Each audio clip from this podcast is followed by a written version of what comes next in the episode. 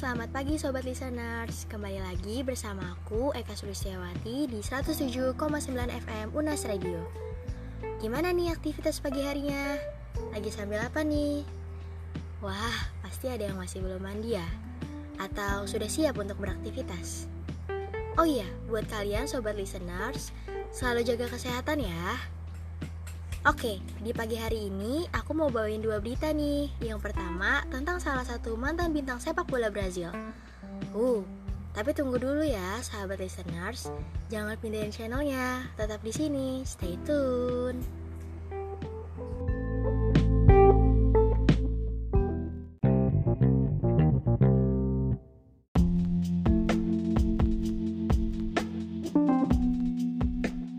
Sobat listeners, terima kasih ya yang udah mau stay. Masih di sini nih bareng aku Eka Sulistiawati di 107,9 FM Unas Radio. Oke, berita kali ini datang dari mantan bintang sepak bola Brasil yang bernama Ronaldo de Assis Moreira yang akrab disapa dengan Ronaldinho. Wah, kalian pasti udah tahu dong siapa sih Ronaldinho? Yap, beliau berumur 40 tahun dan beliau berhasil dibebaskan dari penjara yang terletak di Asuncion, Paraguay. Beliau dikenai tahanan rumah pada Rabu tanggal 8 bulan April tahun 2020. Ronaldinho ditahan karena sudah memasukkan paspor dan ia harus membayar uang jaminan sebesar 800 ribu dolar Amerika Serikat dan jika dijadikan rupiah maka total jaminan yang harus dia bayar yaitu 13 miliar rupiah. Wah banyak juga ya sobat listeners dendanya. Oh iya, selain Ronaldinho, kakak dari Ronaldinho yang bernama Roberto de Assis Moreira yang berumur 49 tahun juga turut dipenjara loh karena kasus yang sama. Mereka menjalani tahanan rumah di Hotel Palmoroga di Asuncion. Ronaldinho dan kakaknya ditahan pada tanggal 6 bulan Maret tahun 2020. Dua hari setelah masuk negara itu dengan paspor palsu, ternyata mereka tiba di Paraguay untuk menghadiri pelatihan sepak bola untuk anak-anak dan peluncuran buku loh. Amarilla memastikan bahwa penyelidikan kasus mengarah pada dugaan kasus pencucian uang itu terus berjalan.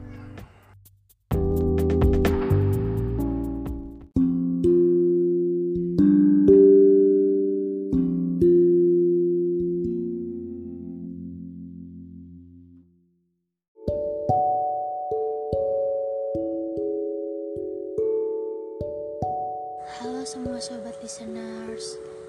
Hmm, Berita kedua kali ini Eka mau nyampein tentang berita duka Yang dialami oleh salah satu musisi tanah air Indonesia. Lagi-lagi di Indonesia kita kehilangan sosok penyanyi yang sangat melekat di hati kita semua. Walau aku gak pernah dekat sama beliau Tapi sosoknya membuat aku seperti kehilangan orang terdekatku Salah satu lagu yang beliau nyanyikan pernah mengisi masa-masa sedihku listeners. Hmm, sedih. Beliau bernama Glenn Fredly Deviano Latuhi Hamalo yang akrab disapa dengan Glenn Fredly. Beliau tutup usia di umur 44 tahun pada hari Rabu tanggal 8 bulan April.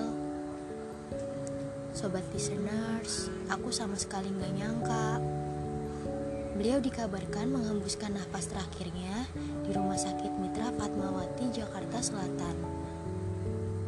Tompi, selaku sahabat dekat Glenn dan juga musisi tanah air Indonesia, memberitahukan bahwa Glenn meninggal jam 6 sore. Glenn meninggal disebabkan karena radang selaput otak Pria kelahiran Jakarta 30 September 1975 itu meninggalkan seorang istri bernama Mutia Ayu dan seorang anak perempuan listeners. Sang istri menuliskan pesan yang menyentuh dalam kepergian sang suami. Mutia mengatakan, kelak anak perempuan mereka yang bernama Gewa akan bangga mengenang sosok ayahnya dan berkata, Gewa bangga menjadi anak perempuan ayah Tuhan selalu jaga kami. I love you. Hmm, aku jadi sedih sobat listeners. Glenn Fredly dan Mutia Ayu menikah pada tanggal 9 bulan Agustus tahun 2019 dan dikaruniai seorang putri bernama Gewa Arlana Syamayim Latuhamalo. pada tanggal 28 bulan Februari tahun 2020. Buat mengenang Grand Fredly, akan aku putar sedikit lagunya ya, sobat listeners.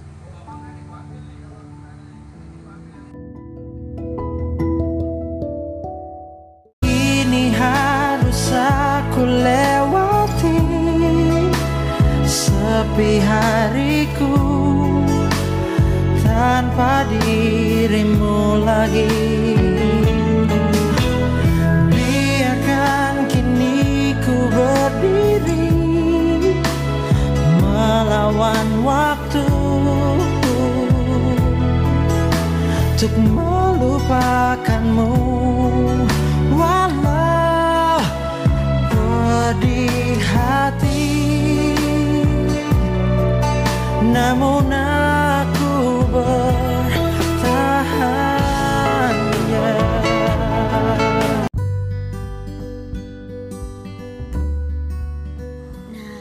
listeners, gimana tadi lagunya?